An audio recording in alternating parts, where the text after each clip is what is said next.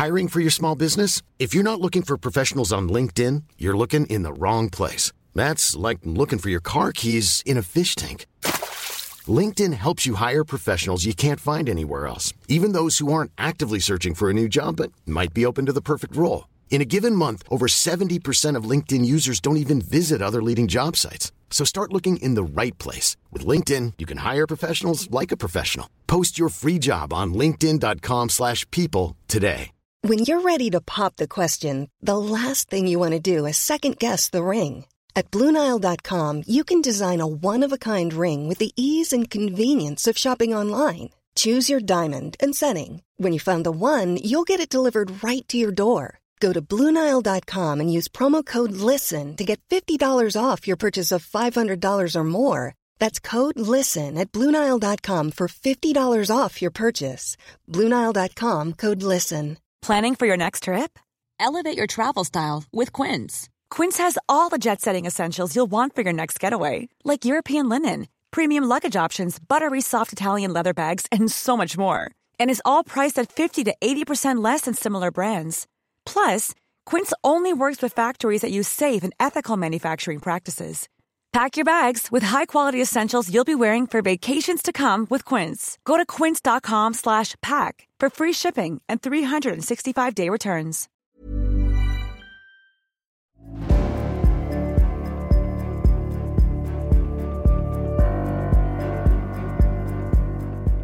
Hej och välkommen till podcasten Samtal. Eh, som ni hör är jag inte Jannik Svensson. Eh, Jannik Svensson är gäst idag och jag heter Emil Nilsén och driver i vanliga fall podden Vi måste prata. Eh, men Jannik ringde upp mig så här på tisdagen och frågade om jag skulle kunna sparka lite fart på honom. Och i och med att jag också jobbar med att få hjälp när det står still i huvudet så var det såklart en självklarhet att ställa upp. Så då säger vi välkommen till din egen podcast, Jannik. Tack. Vi behöver ju bara, alltså så här, det är oerhört viktigt för mig att få ut saker till de som lyssnar på den här podden. Och, eh, och jag var så här, jag måste få ut någonting. Um, och, och så här, ni som lyssnar, om ni behöver någonting att lyssna på så kan ni alltid gå in på Vi måste prata. För Emil har en utomordentligt bra podd. Uh, och ni hittar ju den där um, alla poddar finns. Sök på Vi måste prata. Överallt. Ja. Uh, eller på Emil. Vad snällt sagt har du. Nej men det, man, vi måste så här, lösa det här nu bara. För att det är två veckor som jag inte har släppt ut någonting och jag har ju lite OCD och det har du också för du sitter och klickar som vanligt. Men, eh, ja, jag ska sluta med det nu. Ja, eh, och jag vill få ut någonting och det var alltså oavbrutet på samtal i flera år som jag har släppt avsnitt. Men nu har jag inte, jag har inte lyckats. Alltså för att det är helt, jag, jag har så svårt nu. Jag har det så jobbigt nu. Så eh, huvudsaken är att jag bara kommer hit och berättar att jag mår dåligt och det är svårt att göra det själv. Jag tror att de flesta som följer dig har säkert lyssnat på Svenska Dagbladets nya dokumentärsatsning Blända. Där du, det, det framgår med tydlighet hur du mår och varför. Har man missat det så kan man pausa nu, så lyssnar man på det och så hörs vi om en timme. Men de som likt mig kanske inte är född med tålamod Eh, berätta lite om Blenda-grejen och vad som framkom där, hisspitch-versionen. Mm, jag blev, alltså jag har ju konsekvent fram till då eh, inte uttalat mig i media om, om saker som har hänt på Bulletin. Eh, men jag blev kontaktad av den här journalisten Christian Down som, som berättade att, att min förra arbetsgivare då och ordförande, alltså styrelsens ordförande har uttalat sig om mig och sa att om inte jag jag men, uttala mig om det här, då kommer jag att vara oemotsagd. Eh, så jag ställde upp på en, en, många, många timmar lång intervju och kände rent initialt att det här kommer inte att bli någonting. Alltså för att ingen som har försökt förklara Bulletinhistorien har lyckats. Men jag fick ändå en känsla av att han, han, han hade ambitionen och uh, när jag hörde resultatet så tycker jag faktiskt att han lyckades rätt bra. Jag blev väldigt förvånad över att han har byggt upp hela um, berättelsen kring mina Napoleon-metaforer. Uh, för jag har alltid, liksom, under hela den här bulletinhistorien, så har jag använt Napoleon som förklaringsmodell. Uh, så.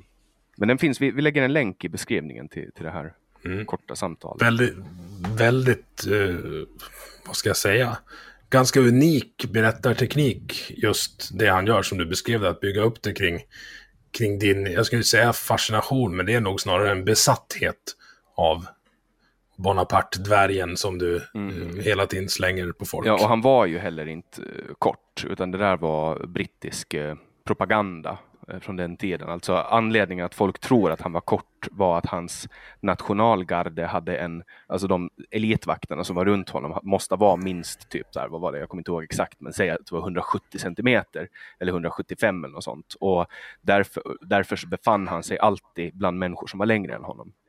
Men han var med. hur, lång, hur lång var han då? Ja, det måste jag kolla upp. Uh, vi ska se. Han, så mycket för den besattheten. Ja, han var 1,69 så han var inte så jättekort. Men nationalgardet var typ 1,75 eller 1,78 och sånt. Uh, och 1,69 är ju ändå nästan två decimeter längre än en slips. ja, men 1,70 det är många som är som är i den längden idag. Alltså, men det var brittisk propaganda som man gjorde honom kort, det var en karikatyr. Men jag, kan, jag skrev en text, jag tänker att jag läser upp den um, här också. Eh, jag skrev den på Facebook så slipper jag liksom sammanfatta den löst för jag är ganska förvirrad nu. Så här, så här, så här skrev jag på Facebook.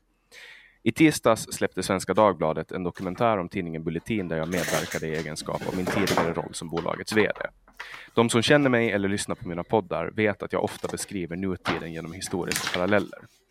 När jag intervjuades av Svenska Dagbladets reporter Christian Down för över en månad sedan återberättade jag några av de paralleller jag under det gångna året dragit mellan Bulletin och kejsar Napoleon I av Frankrike. Jag titulerar ordentligt här. När jag hörde dokumentären i sin helhet slogs jag av hur pricksäkra dessa beskrivningar blev då de lades upp i kronologisk ordning.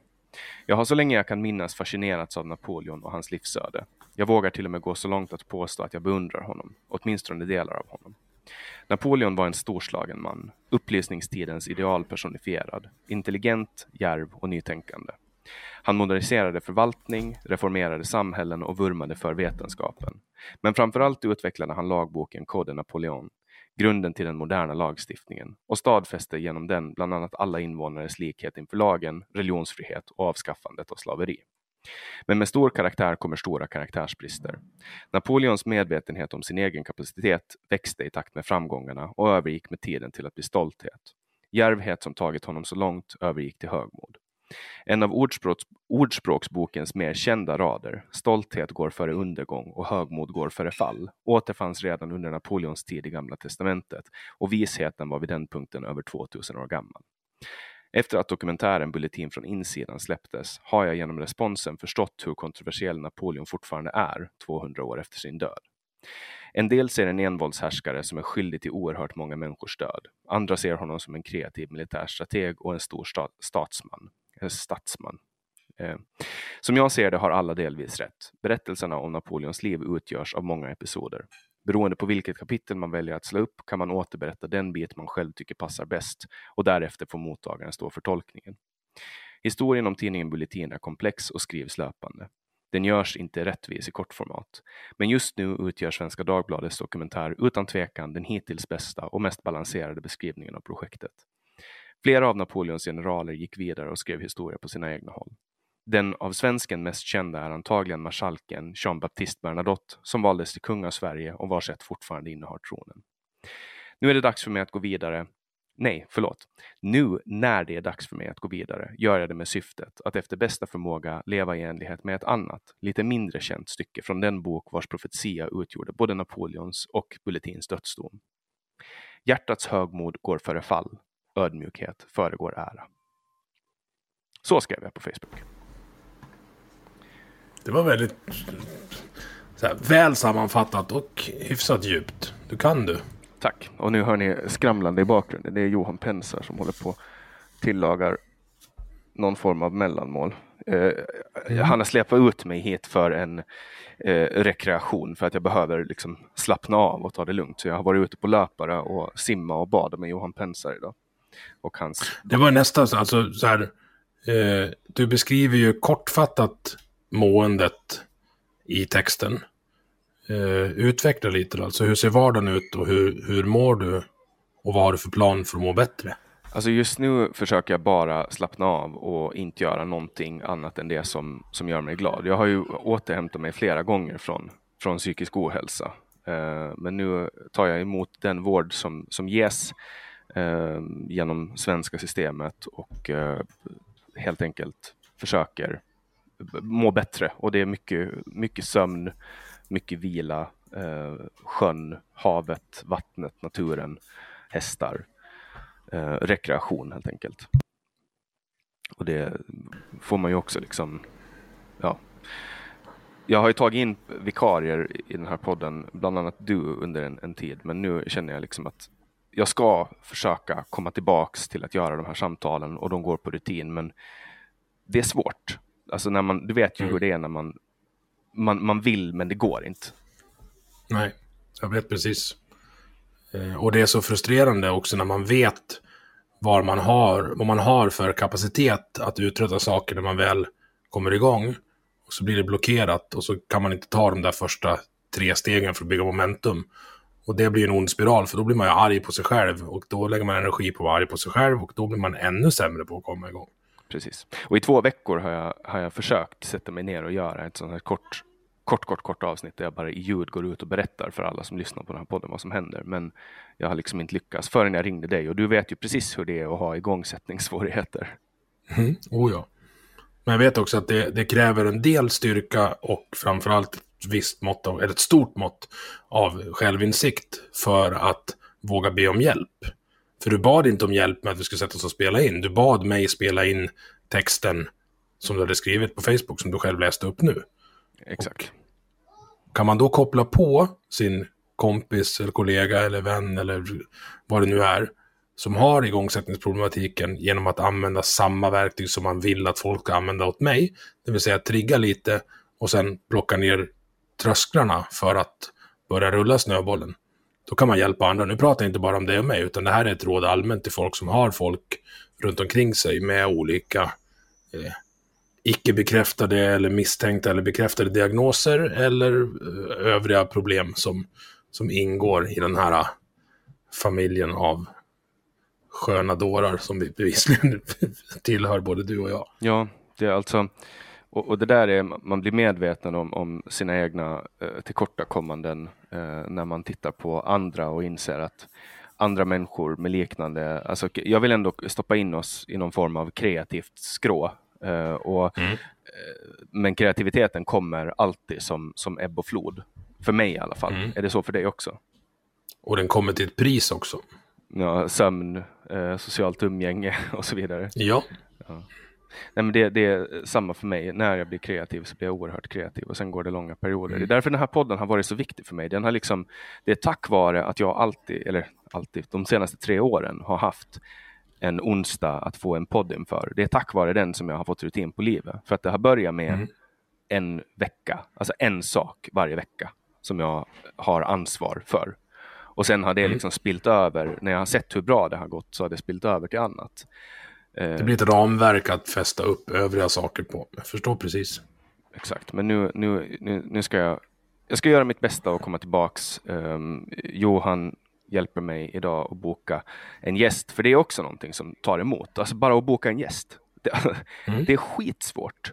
Alltså så bara hör av sig till någon och, och det, det, tar emot. Men, men Johan eh, sätter igång mig på, på det hållet nu. Så jag är oerhört tacksam över de här banjohögerbönderna eh, i min omgivning som bara tar tag i saker åt mig när mm. inte jag kan göra det själv. Så jag, det, finns, det, det, är svårt att beskriva hur, hur tacksam jag är över det. Alltså Per-Ola Olsson och Rickard Axdorff från Bondepraktikan och Emil Nilsén och Johan Pensar och Anders Hesselbom. Hur ska jag kunna tacka honom? Liksom? Det är hans, det, alltså, jag är väldigt glad. Och, och Jonas Rosenberg, Hadnes Jonas, framför allt. Det är, mm. ett bra gäng.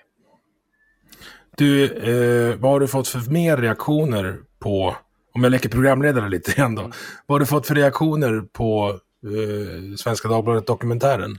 Alltså, Utifrån, framförallt, har någon av de gamla Bulletin-kollegorna hört av sig? Alltså, Um, reaktionen blev väl, alltså jag fick ju höra den här och blev lite chockad över hur eh, de hade liksom hängt upp det här på min historia eh, och så. Och folk har hört av sig och sagt så herregud, jag hade ingen aning om att det var så här galet. Alltså folk visste ju att det var fel. Det var ju bara att liksom öppna en tidning eller läsa någonting på internet. Så att folk har främst varit chockade över hur, hur det har gått till. Och sen har folk inte riktigt förstått heller vad jag är för situation. Jag har ju polisanmält eh, folk då för saker som har hänt för att det här är saker som liksom inte jag kan hantera utan det här måste hanteras rättsligt. Um, och så. Men det som folk har reagerat främst på var att Svenska Dagbladet gjorde någonting som jag inte var beredd på. Och det var att de tog de här inspelningarna som låg till grund för, för podden och gjorde om det till en artikel. Och då hade jag vid ett tillfälle sagt vad jag trodde att var off the record om att jag på väg att hänga mig i december, vilket jag var. Det var så fruktansvärt jobbigt i december att jag, alltså jag var, jag har ingen aning om vad det som gjorde att jag inte valde att ta mitt liv då, men, men jag mådde så, då, jag har inte mått så dåligt sedan jag försökte ta livet av mig 2014. Och det här sa jag och sen hade vår, vår överenskommelse med Svenska Dagbladet att jag skulle få lyssna igenom och godkänna allting före. Och det fick jag, men jag hade ingen aning om att det här skulle hända.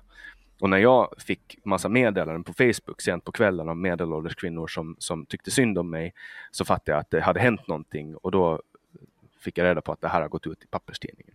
Och då var det för sent. Liksom. Jag ska, om jag ska ha fått möjlighet så ska jag ha stoppat den där artikeln därför att jag söker inte sympati. Jag är inte ute efter att måla upp mig själv som ett offer. Jag vill gå vidare eh, och lämna det här bakom mig. Jag vill liksom känna tacksamhet för de stunderna jag har fått och det jag har lärt mig och de människorna jag har träffat och de läxor jag har lärt mig i livet. Men jag vill liksom inte gå, gå ut och måla upp mig som ett offer. Så det är väl främst den artikeln där Svenska Dagbladet gjorde en hel sida med mig där jag pratade om att ta livet av mig, vilket inte var en alltså det var här, jag hade ingen aning om att det var på gång. Och eftersom jag fick lyssna igenom mm. det jag hade sagt innan i dokumentären så visste jag att det där inte skulle komma ut och därför blev jag liksom. Jag kände ju att jag kunde prata fritt när vi spelade in eftersom ja, men jag skulle få lyssna igenom allting så jag skulle vara beredd. Men det där var inte jag beredd på. Och det är där jag har fått fler, mest reaktioner. Den mm. artikeln. Du säger att du, folk inte förstod hur galet det var under den där perioden. Och då antar jag att det finns saker du kände att du inte kunde berätta under intervjun också. Alltså saker som, ja men förstår du, det kan gränsa till förtal eller att det är för subjektivt upplevt från dig. Ja, alltså jag får ju också respektera att jag har um, liksom det pågår en rättsprocess. Alltså så här, staten har ett våldsmonopol, staten utreder brott. Uh, jag har gått till polisen och jag låter dem göra bedömningen om, om det har skett ett brott eller inte. Jag kommer inte att gå ut och säga att någon har gjort någonting mot mig annat än det jag har upplevt. Uh, sen har ju medier såklart upprepa det som står i polisanmälan och vad som har hänt. Men, men i övrigt så så får den processen ta sin gång och allt det kommer ju att bli offentligt vid en, vid en eventuell rättsprocess. Och, och mm. jag kommer inte att liksom agera på något annat sätt, att, att lämna över det jag upplever som, som olagligt till polisen att utreda. Jag vill bara vara i fred. Det är det enda jag vill. Jag vill vara i fred. Alltså, jag vill inte att det här ska jaga mig. Så det är allt jag vill. Vara i fred är ju ett av bandyhögerns största dygder och mål. Vad har du för mål om du tittar på Jannik om ett, fem, tio år framåt? Hur skulle du vilja att livet såg ut? Alltså jag pratar mycket, jag har varit ute på, på löpare hos eh, Johan nu och visat uppe och pratat ända till soluppgången. Eh, precis som om det här med mål och framtiden. Och för mig är alltså målet handlar på något sätt om att jag har, jag har två saker. Bli fri och övervinna rädslor. Alltså om man ska vara lite diffus. Men, men en sak som jag är helt nästan besatt av, det är att övervinna, övervinna min rädsla eh, om havet. Eftersom jag är rädd för, för, för vatten, jag är rädd för färjor, jag är rädd för vågor. Ända sedan jag var liten. Jag hade en obehaglig upplevelse när jag var liten. Jag fick en panikångestattack ombord på en färja och sedan dess har liksom öppna hav skapat obehag. Och, det är supertaktiskt att bo på Åland. exakt. Jag har liksom undvikit, de senaste 15 åren har jag undvikit att åka färja på hösten och vinter, vilket är helt sjukt egentligen. För att alltså, höststormarna är ju vidriga. Det, det var ju bland annat en höststorm som tog ner Estonia. Eh, och så. så att, men, men, och det är ju ingen, det är inget farligt att vara ombord på en båt. Nu var ju Estonia, det var ju ett, det, det, är ett undantag, men det är i allmänhet väldigt säkert att, att vara på, på en båt. Men på något sätt, eftersom min högsta strävan är frihet, så vill jag kunna bo på en båt. Men jag kan inte bo på en båt om jag är rädd för vatten. Så på något Nej. sätt så vill jag, du vet jag har ta, tagit två utbildningar nu, alltså kustskepparexamen, då första förarintyg och kustskepparexamen. Och, och jag har en båt och jag vill liksom jag vill övervinna den rädslan. Så de två sakerna. Jag vill ha ekonomisk frihet att kunna bo på en båt. Jag vill kunna åka runt på en båt. Det, det, är min, det, det är min tioårsplan i alla fall. Jag vill kunna bo på en jättefin båt.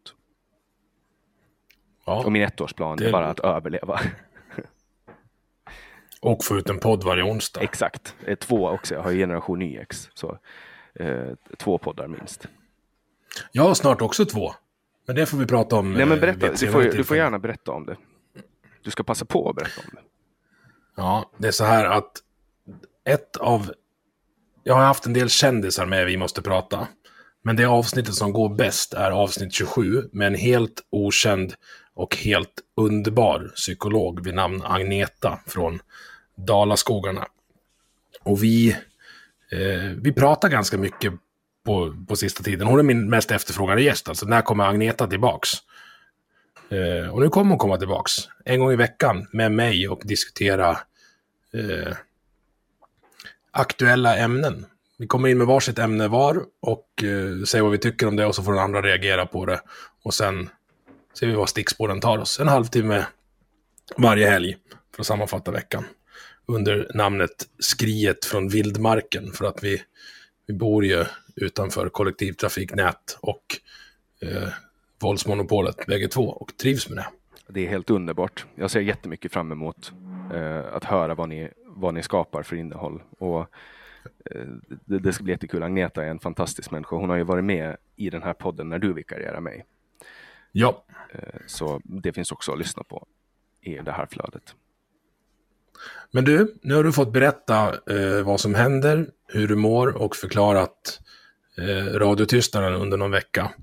Och jag tror att jag kan prata för alla som lyssnar på samtal att vi hoppas verkligen att det kommer fler avsnitt, för det skulle vara en indikation på att Jannik Svensson mår lite bättre och det förtjänar du att göra. Ja, min ambition är att få ut någonting nästa onsdag. Det är, men om det inte händer, då händer det inte och då är det för att det inte går helt enkelt. Nej, då kommer det en annan onsdag. Ja, exakt. Och tack för hjälpen Emil. Det, jag, jag, jag, skulle inte, jag skulle inte ha lyckats få tummen ur arslet om inte du skulle ha dragit hit mig på det sättet som du gjorde nu. Jag försökte bara skjuta över det på dig och så bara tog du med mig in i det och jag är tacksam för det. Rycka ur tummar ur rövar är något av mitt svarta bälte. jag tänkte att det var något annat du rycker ut ur rövar, men kanske inte. You had to go there. Jag, ja, måste, jag bara måste. Ja, tack så jättemycket. Ja.